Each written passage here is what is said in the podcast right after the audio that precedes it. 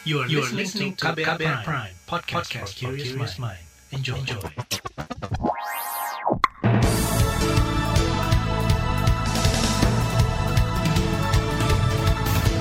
Halo selamat pagi Indonesia, selamat pagi saudara Hari ini 25 Desember 2020 bertepatan dengan Hari Raya Natal Buletin Pagi kembali menyapa pagi hari Anda bersama saya Reski Mesanto Seperti biasa, kami telah menyiapkan sejumlah informasi pilihan untuk Anda Di antaranya, pelaksanaan rapid test acak COVID-19 terus menunjukkan efektivitasnya Menteri Agama Yakut Holil Kaumas sampaikan ucapan selamat Natal dan tahun depan operasi Tinombala Poso dan Nemangkawi Papua tetap dilanjutkan.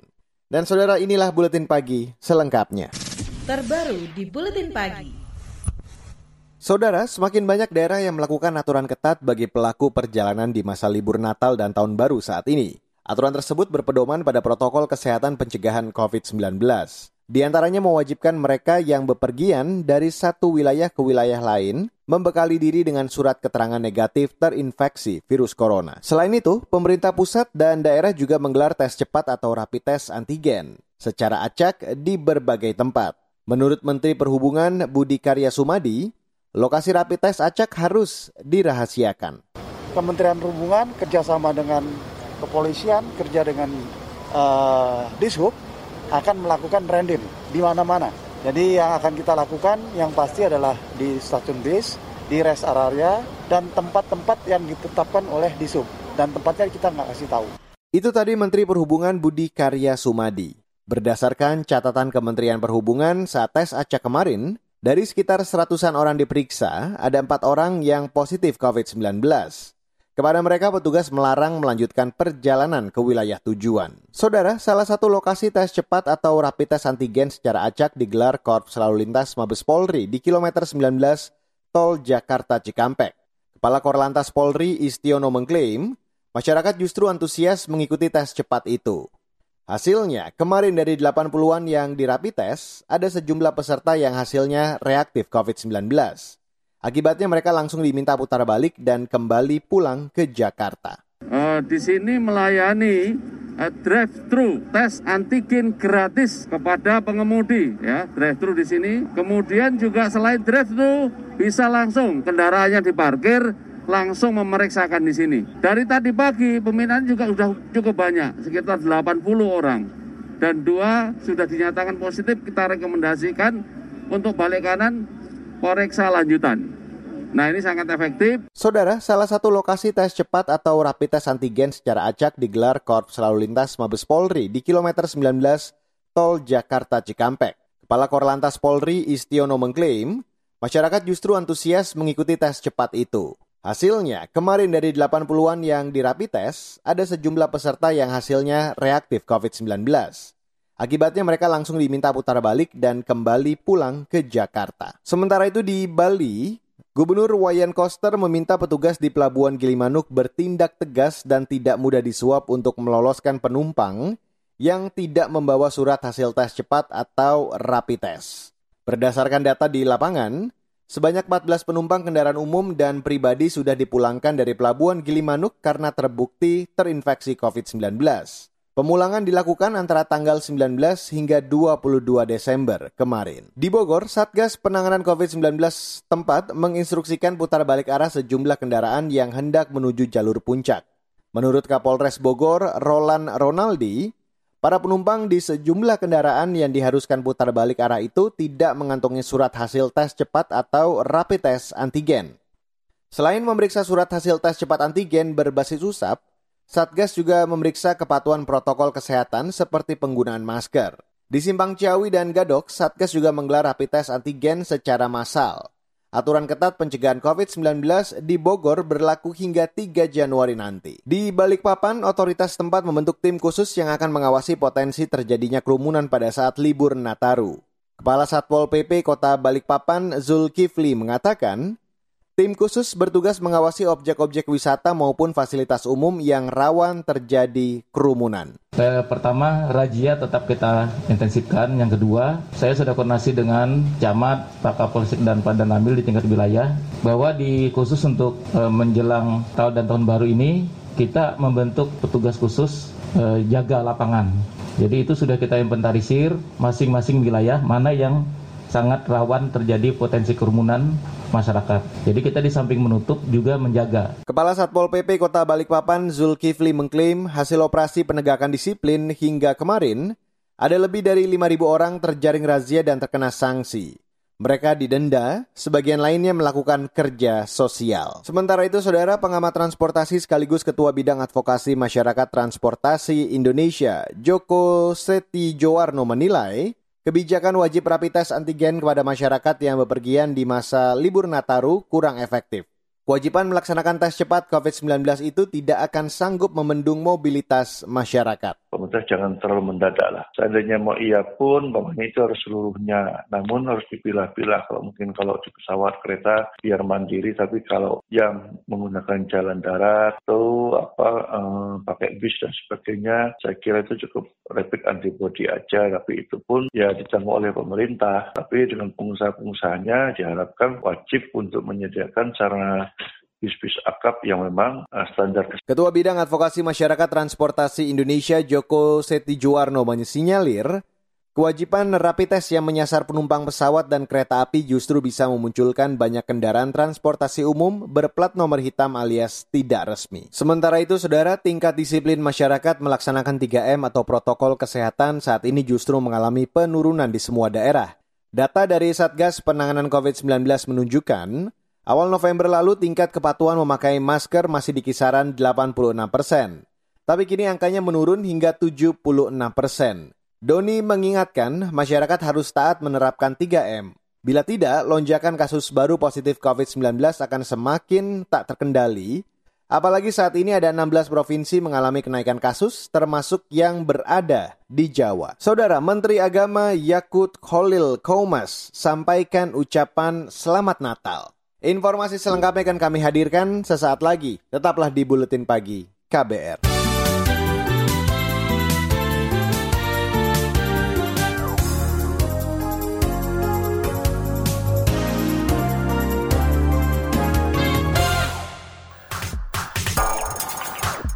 You're listening to KBR Pride, podcast for curious mind. Enjoy!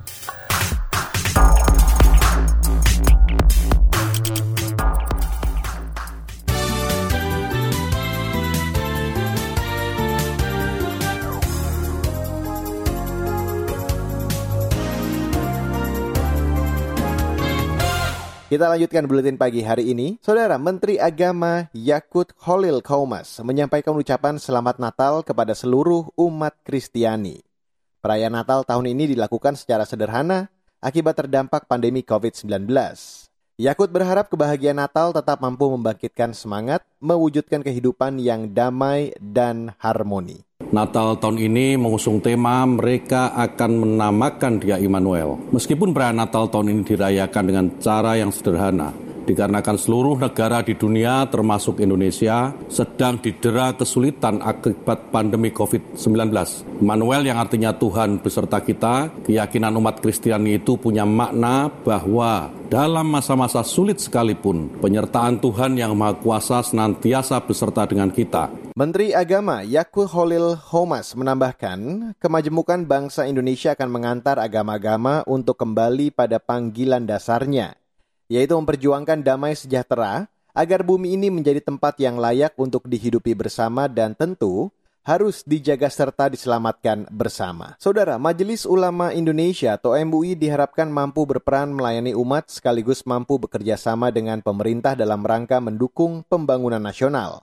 Harapan itu disampaikan Wakil Presiden Maruf Amin usai mengukuhkan Dewan Pimpinan MUI periode 2020-2025. Bermitra dengan pemerintah merupakan satu keniscayaan karena kebanyakan dari apa yang dilakukan oleh MUI adalah bagian dari pelaksanaan undang-undang seperti antara lain pelaksanaan undang-undang tentang jaminan produk halal, tentang ekonomi syariah, dan sebagainya. Wapres Maruf Amin juga berharap MUI menerbitkan fatwa-fatwa yang diminta oleh pemerintah. Misalnya dalam hal penanganan wabah COVID-19 seperti fatwa kehalalan vaksin, fatwa lingkungan hidup, dan sebagainya. Sebelumnya, Rais Am, pengurus besar Nahdlatul Ulama atau PBNU, Miftahul Akhyar, terpilih sebagai Ketua Umum MUI periode 2020-2025. Miftah merupakan pengasuh pondok pesantren Miftahus Husunah di Surabaya. Saudara, meningkatnya jumlah orang dengan kasus positif COVID-19 berbanding lurus dengan meningkatnya dokter dan tenaga medis yang terinfeksi virus corona. Menurut Ketua Satgas COVID-19, Doni Monardo, Angka kematian dokter cenderung tinggi pada dokter umum karena menangani pasien yang belum ketahuan positif atau negatif COVID-19. Ketika jumlah pasien meningkat di rumah sakit, maka paralel dengan risiko gugurnya para dokter. Baik dokter yang menangani COVID, termasuk dokter yang juga menangani non-COVID. Karena pada awalnya pasien-pasien yang akan dirawat ini belum kelihatan gejala, tapi sudah ditangani oleh rata-rata dokter umum. Sehingga korban dokter umum sampai hari ini cukup besar, yaitu ya. di sekitar 53 uh, persen. Ketua Satgas COVID-19 Doni Monardo menambahkan masyarakat harus membiasakan taat protokol kesehatan karena penambahan jumlah kasus positif yang signifikan berbanding terbalik dengan jumlah tenaga medis yang menangani pasien COVID-19. Kemarin, Kementerian Kesehatan mencatat ada penambahan jumlah kasus baru positif virus corona sebanyak lebih dari 7.000 kasus. Dengan demikian, total kasus positif COVID-19 mencapai lebih dari 692 ribu. Pasien sembuh meningkat 5.200-an orang dan menjadikan total pasien sembuh 563 ribu lebih. Total pasien meninggal kemarin bertambah 181 orang, sehingga total kematian menjadi lebih dari 20 ribu orang. Kita beralih ke berita ekonomi, saudara. Pemerintah mengklaim sudah menyiapkan langkah antisipasi terkait mulai mewabahnya varian baru COVID-19 di sejumlah negara. Menko Perekonomian Erlangga Hartarto menyebut, selain melaksanakan 3T atau testing, tracing, dan treatment, pemerintah juga menyiapkan anggaran kesehatan yang cukup besar. Protokol kesehatan tetap menjadi acuan yang pertama dan utama. Kemudian fasilitas kesehatan itu menjadi pertama dan utama juga. Dan pemerintah di tahun 2021 juga anggaran kesehatannya juga cukup besar dan juga uh, pemerintah menganggarkan untuk uh, vaksinasi yang tentu uh, dari uh, pembahasan itu kisarannya antara 63 sampai 73 triliun yang harus disediakan untuk vaksinasi. Menko Perekonomian Erlangga Hartarto menambahkan untuk mengantisipasi penyebaran varian baru virus corona, pemerintah juga akan terus menggulirkan program perlindungan sosial, bantuan UMKM hingga insentif dan kemudahan bagi pengusaha. Sebelumnya, mutasi virus corona baru disampaikan penasihat kesehatan pemerintah Inggris pada akhir pekan lalu. Varian baru COVID-19 itu punya tingkat penularan yang lebih tinggi.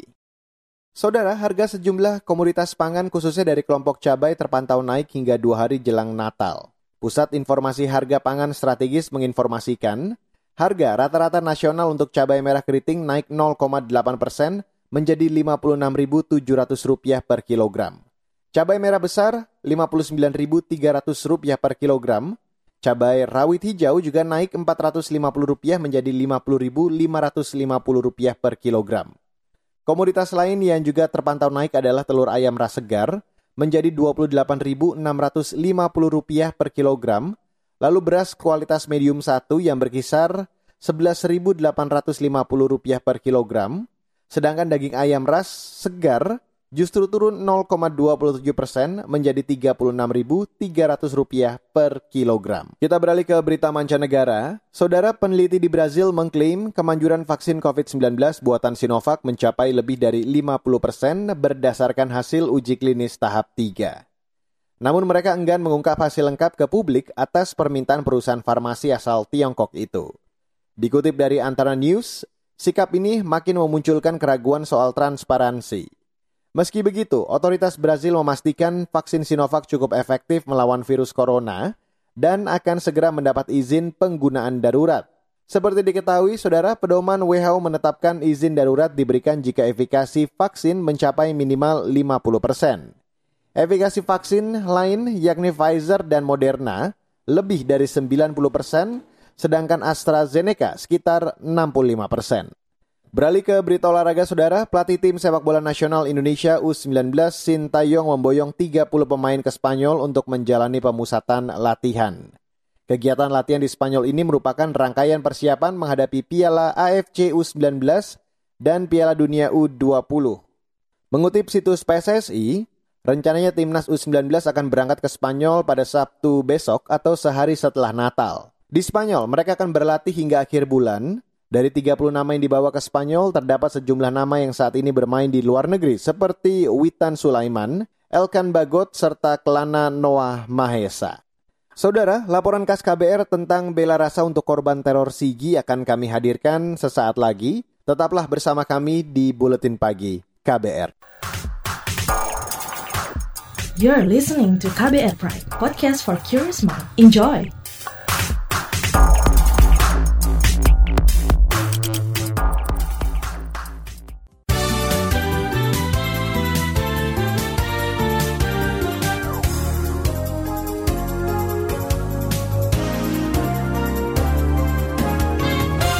Anda masih mendengarkan Buletin Pagi edisi 25 Desember 2020, saya Reski Mesanto.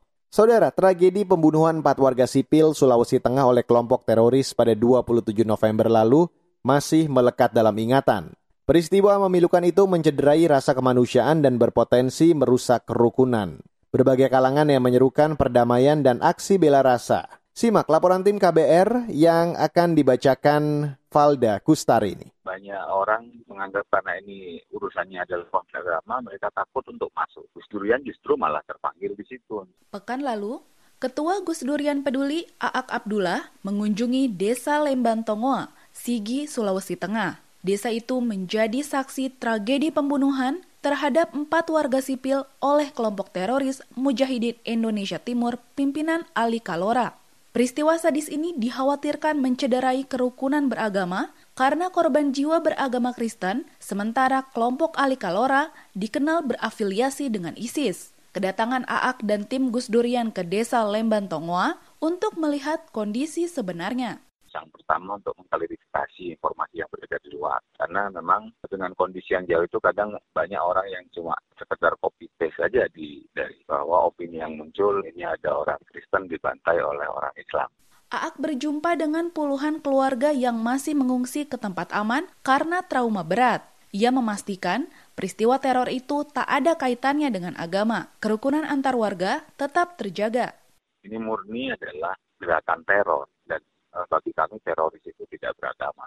Maka kami minta kepada seluruh masyarakat untuk tidak mengkait-kaitkan kasus pembunuhan di sini dengan urusan agama. Mereka sangat rukun, mereka sangat akur, bahkan yang memakamkan empat orang yang meninggal itu adalah orang-orang muslim. Ada yang meninggal adalah Kristen.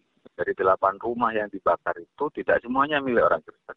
Dua milik orang muslim. Jadi teroris sedang tidak ada urusan mau agamanya apa. Di Lemban Tongoa, tim Gus Durian sekaligus ingin mengidentifikasi bantuan yang bisa diberikan kepada warga. Sejak Desember lalu, Gus Durian peduli menggalang donasi melalui platform kitabisa.com. Hingga kini, dana yang terkumpul mencapai 190-an juta rupiah.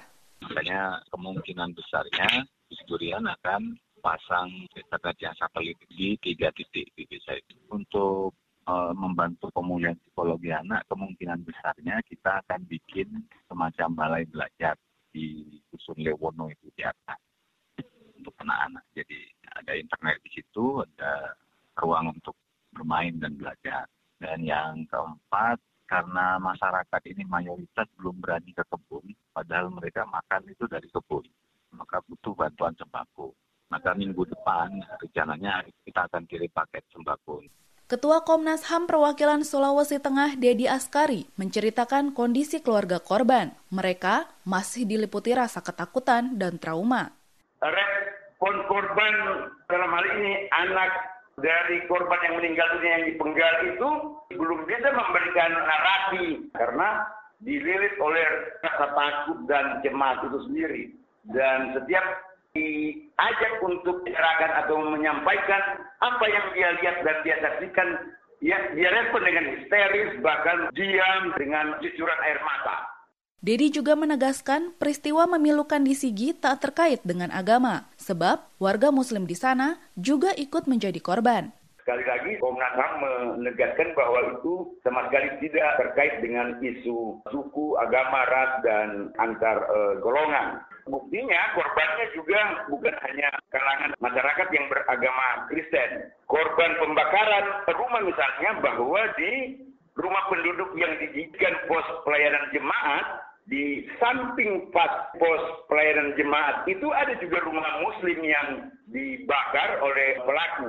Hal senada juga diungkapkan peneliti setara institut Bonar Tigor Naipospos. Saya tidak bisa mengatakan bahwa ini adalah kemudian serangan pada kelompok agama tertentu. Saya harus mengatakan begitu. Karena kalau kita lihat dari korban, tahun ini aja kan korbannya adalah Muslim, kemudian transmigrasi Bali dari agama Hindu, dan ini sekarang dari, dari gereja Kristiani. Jadi sasarannya juga bukan hanya tentu, tapi mereka yang tidak segolongan dengan mereka. Jadi meskipun satu agama, tapi kalau tidak satu golongan dengan dengan mereka, mereka akan sikat juga. Ya, jadi bagi mereka siapa pun yang menentang mereka, siapa pun yang tidak tidak mendukung mereka, mereka akan sikat. Bonar mendesak aparat yang tergabung dalam Satgas Tinombala menumpas kelompok teroris. Komnas HAM Perwakilan Sulawesi Tengah Dedi Askari juga menuntut komitmen aparat dan negara dalam menangani kasus ini. Menurutnya, peristiwa tersebut termasuk pelanggaran HAM dan mencederai rasa kemanusiaan. Peristiwa tersebut harus benar-benar diseriusi karena telah mencabik-cabik hati nurani umat manusia ya. Uh, saya kira untuk alasan apa pun peristiwa tersebut sungguh merupakan satu pelanggaran hak asasi manusia yang serius. Tidak ada alasan untuk tidak menseriusi itu. Demikian laporan tim KBR, saya Valda Kustarini. Saudara, informasi dari daerah akan kami sajikan sesaat lagi. Tetaplah bersama kami di Buletin Pagi KBR. Commercial break. Vina, seorang volunteer dari komunitas Biho memberi pesan kepada teman-teman Broken Home untuk dapat bangkit dari keterpurukan dan mampu berdikari jangan sampai kalian menikah saat kalian belum siap. Itu penting banget. Jadi selama masih muda nikmati aja masa mudanya. Carilah hal-hal positif yang bermanfaat buat masa muda kalian. Sehingga nanti kalian ketika pun sudah memiliki pasangan, mau mencari pacar misalkan atau sudah ingin menikah, kalian sudah benar-benar matang agar apa yang kalian alami tidak terjadi kembali kemudian hari. Simak obrolan selengkapnya dalam podcast Disko Diskusi Psikologi dalam episode Bangkit dari Keterpurukan dan Berdikari di kbrprime.id dan platform mendengar podcast lainnya.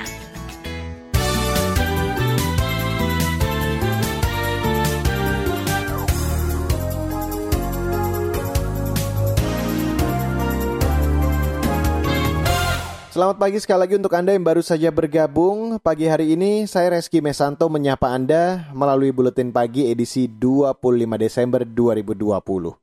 Dan inilah bagian akhir Buletin Pagi KBR. Saudara, untuk memburu buron teroris kelompok Mujahidin Indonesia Timur, pimpinan Ali Kalora di Poso, Sulawesi Tengah, aparat keamanan memperpanjang tugas tim Satgas Operasi Tinombala.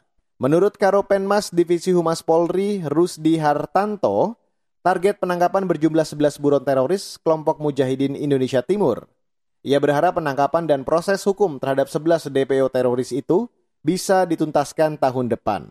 Apalagi tim Satgas Tinombala juga melibatkan unsur TNI. Melibatkan 3 ribuan personil. Kita kaji kembali. Kemungkinan apabila itu memang efektif akan kita lakukan. Sebenarnya kalau DPO dari Polri itu 11 masih ada 11 yang ada di atas. Kalau melihat kekuatannya memang harus diperpanjang lagi uh, operasinya Pak. Harus sampai selesai.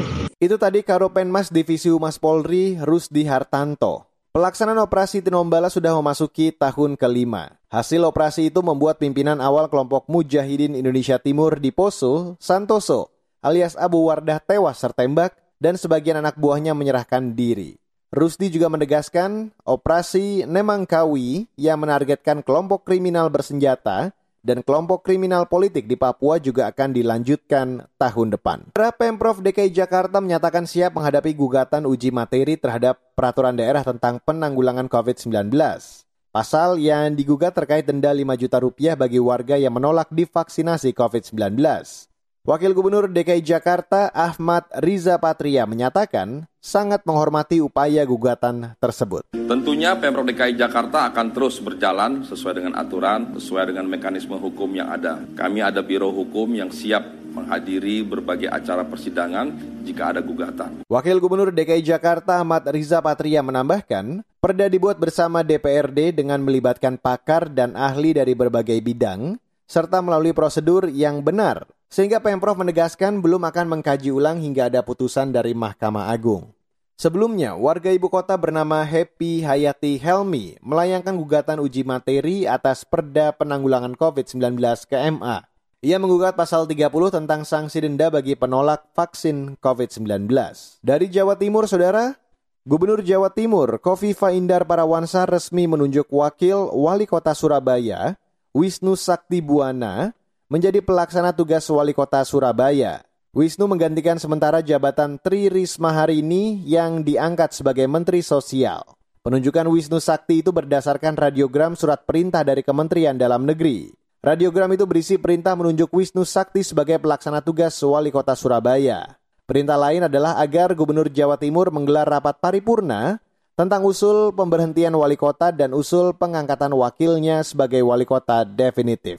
Sebelumnya, kalangan DPR juga menyoroti rangkap jabatan Risma. Dan saudara, informasi tadi menutup buletin pagi hari ini edisi 25 Desember 2020. Jangan lupa untuk selalu memantau informasi terbaru setiap jamnya melalui kabar baru, situs kbr.id, Twitter kami di account at berita KBR, serta podcast di kbrprime.id. Sekali lagi selamat merayakan Hari Raya Natal untuk Anda yang merayakan dan untuk Anda yang akan beraktivitas di luar rumah.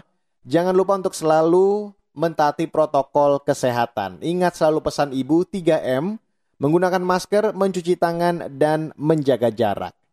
Saya Reski Mesanto, mewakili tim redaksi KBR yang bertugas pagi hari ini. Kami undur diri. Salam.